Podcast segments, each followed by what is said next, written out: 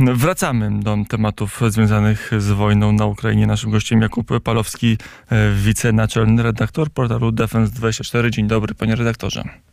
Dzień dobry panu, dzień dobry państwu. Dzisiaj wstrząsnęła i światem, ale także polską opinią publiczną i nie tylko, bo też wojskowymi mm, ostrzał rakietowy, mm, ros, rosyjski ostrzał rakietowy miast e, i także infrastruktury krytycznej na Ukrainie. E, ile rakiet wystrzelono i, i jakiej w ogóle skali był to atak, jakbyśmy go opisali? No myślę, że y, na pewno, na pewno był to atak e, na dosyć dużą skalę, szczególnie jeżeli porównamy z tym, co się, z tym, co się działo w czasie tej pełnoskalowej wojny, czyli od, od 24 lutego. No wiemy, że wojna trwa od 2014, ale w jej pierwszym etapie w jej pierwszym etapie nie by, y, w jej pierwszym etapie jakby tak, takie środki nie były wykorzystywane dopiero od lutego. Natomiast y, już w pierwszej fazie ataku już w pierwszej fazie ataku wystrzelono kilkadziesiąt rakiet, z których, z których Ukraińcom udało się zestrzelić no, tak naprawdę ponad połowę. Wiadomo, że były też, były też kolejne, kolejne fale ataków. No i były też zastosowane amunicja krążąca, czyli takie mniejsze bezzałogowce, które no, mają mniejsze ładunki bojowe niż rakiety manewrujące, bo rakieta manewrująca to jest około pół tony. Natomiast e, taki dron przenosi 20-30 kg materiału wybuchowego, no ale tak jak pan mówił, e, cel cywilny czy obiekt cywilny, który nie jest umocniony, no to no niestety może spowodować szkody, może spowodować zniszczenia, może spowodować śmierć, śmierć ludzi. Także na pewno skala tego ataku była bardzo duża. E, jeśli odniesiemy się do tego, co widzieliśmy w czasie wojny, e, podam taki przykład. Do 17 marca, 24 lutego odnotowywano około, średnio około 50 uderzeń rakietowych dziennie, potem to spadło. Dzisiaj, dzisiaj no to było, można powiedzieć, że było kilkakrotnie więcej niż te 50, raczej na pewno, bo po tej pierwszej fali nastąpiły kolejne. E, także no ta skala, ta skala była duża, szczególnie, że e, no, w ostatnich miesiącach tych uderzeń na cele w głębi terytorium Ukrainy, w stolicy, ale nie tylko, też w rejonie Lwowa było mniej, bo ataki na e, obiekty cywilne, na przykład na mieszkalne, blisko linii frontu, chociażby w Mikołajowie, one były realizowane przez Rosjan w zasadzie przez cały czas. Natomiast e, no, był pewien okres takiego, można powiedzieć, uspokojenia, jeśli chodzi o ataki w głębi terytorium Ukrainy.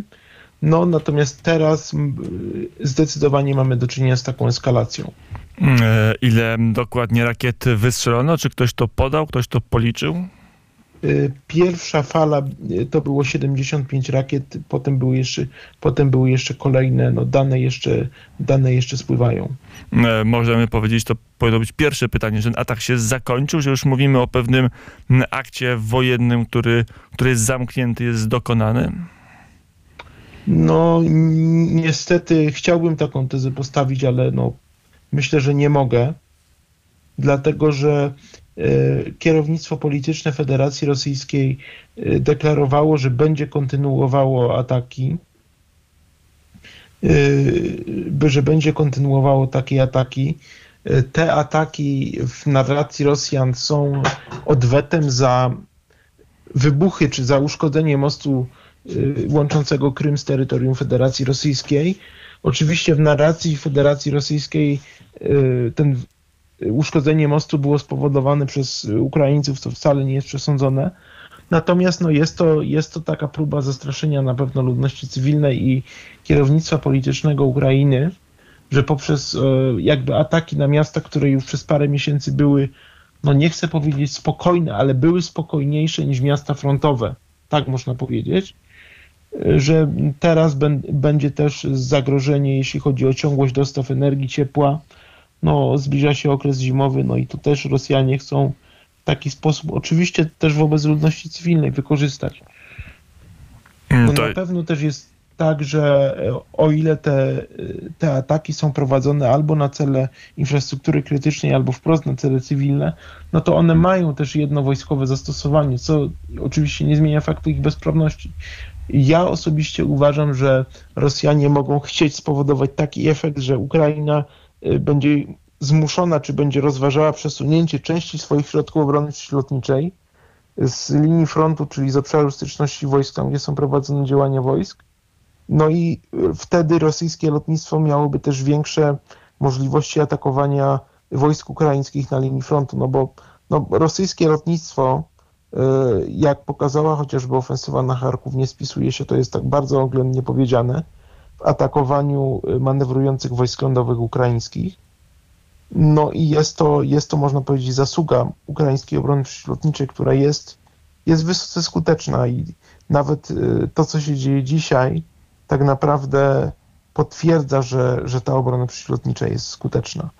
Mm, a właśnie, też tylko zanim do tej obrony dokładnie przejdziemy, jak sobie Ukraińcy radzą z obroną nieba nad najważniejszymi miastami, nad Kijowem, z Kijowem włącznie, to jeszcze czym dysponuje Rosja? Bo Rosja bombarduje, jak pan powiedział, od początku tych rakiet spadło wiele set, może i więcej.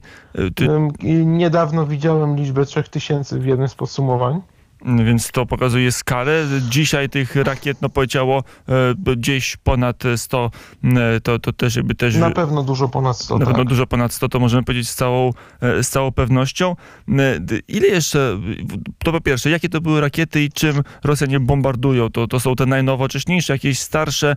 Co możemy powiedzieć o arsenale, jakim w tej chwili dysponuje Rosja pod względem rakiet i balistycznych, i manewrujących? Na pewno zostały użyte rakiety manewrujące no, uznawane za dosyć nowoczesne, na przykład H-101.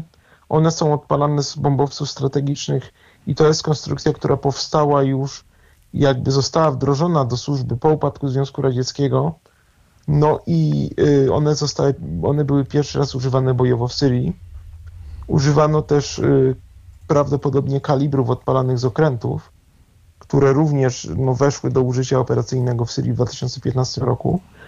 Y, ja jednak zwrócę uwagę, że jeśli chodzi o tego rodzaju uzbrojenie, to zapasy Rosji w stosunku do potrzeb, tak to brzydko może zabrzmi, ale w stosunku do potrzeb artykułowanych przez rosyjskie kierownictwo wojskowo-polityczne na pewno są niskie i to jest troszeczkę pocieszające, dlatego że ta intensywność ataków, y, tak jak już mówiłem, w głębi terytorium Ukrainy przez dłuższy czas spadła no patrząc na to, co się dzieje na Ukrainie, jak jest atakowana ludność cywilna, to raczej nie e, z powodu dobrej woli, tylko z powodu po prostu no, zużycia zapasów tej broni, dlatego że ona zawiera komponenty elektroniczne też pochodzące z zachodu w systemach kierowania. Potem Rosjanie zaczęli używać nawet przywracanych do służby rakiet radzieckich, które, które już wcześniej były wycofane i są jeszcze mniej precyzyjne. No, był taki atak e, dość głośny w połowie roku, gdzie została uderzona galeria handlowa w Krzemieńczuku, gdzie były ofiary cywilne. Tam to była rakieta rodziny H-22, być może nowsza typu H-32, ale no te rakiety generalnie uchodzą za mało, za mało celne. E, na przykład Mikołajów już od dłuższego czasu jest bombardowany rakietami przeciwlotniczymi, czyli rakietami, które nominalnie służą do zestrzeliwania samolotów, śmigłowców rakiet manewrujących zresztą też, ale Rosjanie użyli ich jako rakiety Ziemia-Ziemia no z konieczności y, z powodu zużycia zapasów środków, które normalnie służą do rażenia celów na ziemi. No i są też te irańskie drony Shahid 131 i 136, które no ich wprowadzenie jakby dało Rosjanom większą elastyczność w wykonywaniu takich ataków, dlatego że do porażenia celu, do uderzenia na cel, który jest niechroniony do steroryzowania, no wystarczy taki dron i jego ładunek, a on jest nawet kilkadziesiąt razy tańszy niż rakieta manewrująca i dużo prostszy do wyprodukowania. Mm, to panie redaktorze, mm, jeszcze kwestia tych, patrzę na te różne rodzaje mm, rakiet i amunicji manewrującej których dzisiaj użyła strona rosyjska? Czy można powiedzieć, że pewne resursy się kończą i że pewne technologie w warunkach wojennych już nie są dla Rosji dostępne, że, że blokada ekonomiczna, mm, działania wojenne powodują tak, osłabienie ekonomiczne? Na pewno jest tak, że te zapasy się kończą i je będzie dużo trudniej odtwarzać. Też moce produkcyjne, jeśli chodzi o, o broń precyzyjną, o produkcję broni precyzyjnej, nie, są, czy nie były w Rosji tak rozległe, jak jeżeli chodzi o użycie takiej konwencjonalnej amunicji, którą no, ładujemy po prostu do działa i, i strzelamy, czy, czy bomb klasycznych, czyli takich zrzucanych przez samolot z, z odległości kilku kilometrów i swobodnie spadających, tak jak w czasie II wojny światowej. Także na pewno ten czynnik jest. Z drugiej strony, no, trzeba się też spodziewać, że po sankcjach, które niewątpliwie są potrzebne, Rosja y, podejmie kroki w celu zdobycia takich komponentów, czyli chociażby systemów półprzewodnikowych, to może być zakup od Chin, może być zakup przez pośredników, może być wywiad naukowo-techniczny, czyli innymi mówiąc kradzież, innymi słowy mówiąc kradzież, tak jak pisał mój kolega redakcyjny, pan doktor Jacek Graubo niedawno. Dlatego no, e, ten dostęp do amunicji precyzyjnej dla Rosji on jest ograniczony, ale niestety nie jest zamknięty. Tutaj dobrym przykładem jest też Iran, dlatego że teraz mamy ataki irańskich dronów y, na Ukrainie. Iran od dłuższego czasu jest obarczony bardzo mocnymi sankcjami, jeśli chodzi o dostępność takich komponentów, a jednak i te ataki, ale i również wcześniejsze uderzenia chociażby na infrastrukturę naftową w Arabii Saudyjskiej czy na cele w Jemenie, gdzie jednak ta broń precyzyjna jest stosowana, no pokazują, że wypracowano pewne metody obchodzenia takich sankcji. Y, też tu jest pytanie o rolę Chin, bo Chiny na szczęście nie dostarczają uzbrojenia. Natomiast jest pytanie, czy Rosja nie jest w stanie albo za wiedzą władz chińskich, albo bez, nawet bez tej wiedzy, poprzez na przykład kilku pośredników w państwach tak zwanych zaprzyjaźnionych, pozyskać pewne komponenty i, i na jakąś skalę mniejszą niż standardowa tą produkcję tej broni precyzyjnej kontynuować. Oczywiście przy pogorszeniu jej jakości. Mm, panie redaktorze, to już na koniec pytanie, ta raczej wątek o obronę przeciwlotniczą Ukrainy, jak ona się dzisiaj sprawdziła, bo w poprzednich miesiącach no, miała dość dobrą opinię wśród światowych ekspertów, że Ukraina radzi sobie bardzo dobrze, nadspodziewanie dobrze po obronie. Jeśli chodzi o mnie, jeśli chodzi o mnie, to ja utrzymuję tą opinię. Y, obronę przeciwlotniczą Ukrainy y, należy oceniać bardzo wysoko. Walczy ona już ponad 7, 7 miesięcy ma ona, jeśli chodzi o sprzęt, ma ona potencjał e, głównie systemów posowieckich, oczywiście modernizowanych przez ukraińskie zakłady. E, ten potencjał jest wspierany czy uzupełniany przez systemy natowskie, takie jak choćby polskie pioruny, czy amerykańskie Stingery, czy niemieckie zestawy samobieżne Gepard, które są lufowe, ale to są wszystko systemy bardzo krótkiego zasięgu, do 7 maksymalnie kilometrów. Natomiast systemy o większych zasięgach no, Ukraina musi po, y, polegać na systemach posowieckich, czasami uzupełnianych dostawami z państw zachodnich czy z państw natowskich, tak jak ze Słowacji było S-300, ale tego jest wszystko bardzo mało. I biorąc pod uwagę ten potencjał tych systemów i ich ograniczenia, to naprawdę ukraińska obrona przeciwlotnicza, zestrzeliwując nawet część tych pocisków manewrujących, to i tak już było ogromne osiągnięcie, a musimy wiedzieć, że pociski manewrujące, tak jak zresztą i bezzałogowce, ale szczególnie rakiety manewrujące, one, pole, one poruszają się według rzeźby terenu nisko nad ziemią, co powoduje, że przykładowo zasięg wykrycia takiego, takiego pocisku to jest maksymalnie 50 km i to mówię maksymalnie, jeżeli on leci na wysokości 100 metrów. Jeżeli niżej, to niżej, no bo krzywizny ziemi, ziemi oszukać nie możemy. Więc jeżeli nawet e, Ukraina ma zestawy przeciwlotnicze, które na wysokim pułapie mogłyby zwalczać cele od 90 km, no to w tej chwili z takimi pociskami mogą one zwalczać je od powiedzmy 30 czy 50 km, czasem nawet mniej.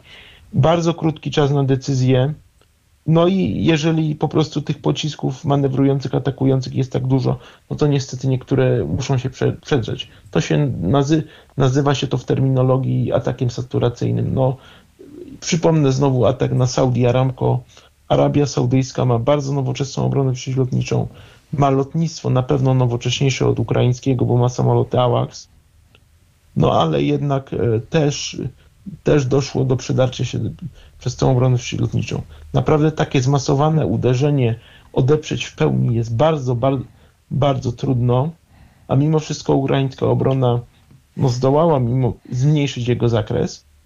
Kolejną kwestią, której ja się obawiam, jest to, czy y, jakby Rosjanie nie będą chcieli zmusić tymi działaniami no, przeciwko ludności cywilnej, więc zbrodniczymi, do przesunięcia części środków obrony przeciwlotniczej z, z linii frontu, czyli z obszarów, gdzie są wojska, tak żeby ich lotnictwo już załogowe, czyli samoloty, śmigłowcy, mogły bardziej swobodnie atakować te y, cele wojskowe na linii frontu, czyli na przykład zgrupowania wojsk pancernych, zmechanizowanych. Mm, e, To jest e, też jedno pytanie na koniec e, o, o możliwą pomoc Zachodu. bo Teraz dużo po, tych, po tym dniu ataków rakietowych płynie deklaracji polityków zachodnich, że są gotowi zwiększyć wsparcie. Co mogłoby najbardziej wspomóc ukraińską obronę przeciwlotniczą? Tutaj no, pewien problem polega na tym, że państwa zachodnie, jeśli chodzi o naziemną obronę przeciwlotniczą, to e, bardzo dużo cięć przeprowadziły w pierwszych latach XX wieku. Wiadomo, były, było skupienie na operacjach Iraku i Afganistanu, gdzie e, no, nie było potrzeby posiadania obrony przeciwlotniczej tak naprawdę.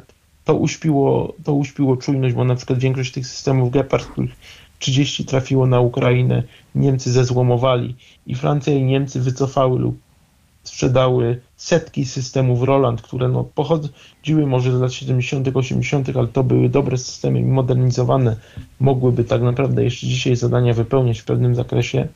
Też nie wprowadzono następców, al- albo wprowadzono po kilka sztuk dosłownie. No i dlatego, y, dlatego y, możliwości udzielenia tej pomocy są dość ograniczone, jeżeli nie będzie decyzji politycznych o jakby zwiększeniu poziomu skali tej pomocy, na przykład przez przekazanie samolotów, bo na razie nie ma decyzji o przekazaniu samolotów, ale szkolenie pilotów to znowu są, znowu są miesiące. No tutaj, e, tutaj Ukraina jest w trudnej sytuacji na pewno, bo dostawy środków obrony przeciwlotniczej są jakby znacznie mniejsze niż artylerii lufowej czy rakietowej, nie dlatego, że państwa zachodnie nie chcą, tylko po prostu dlatego, że tego sprzętu w dużej mierze nie ma.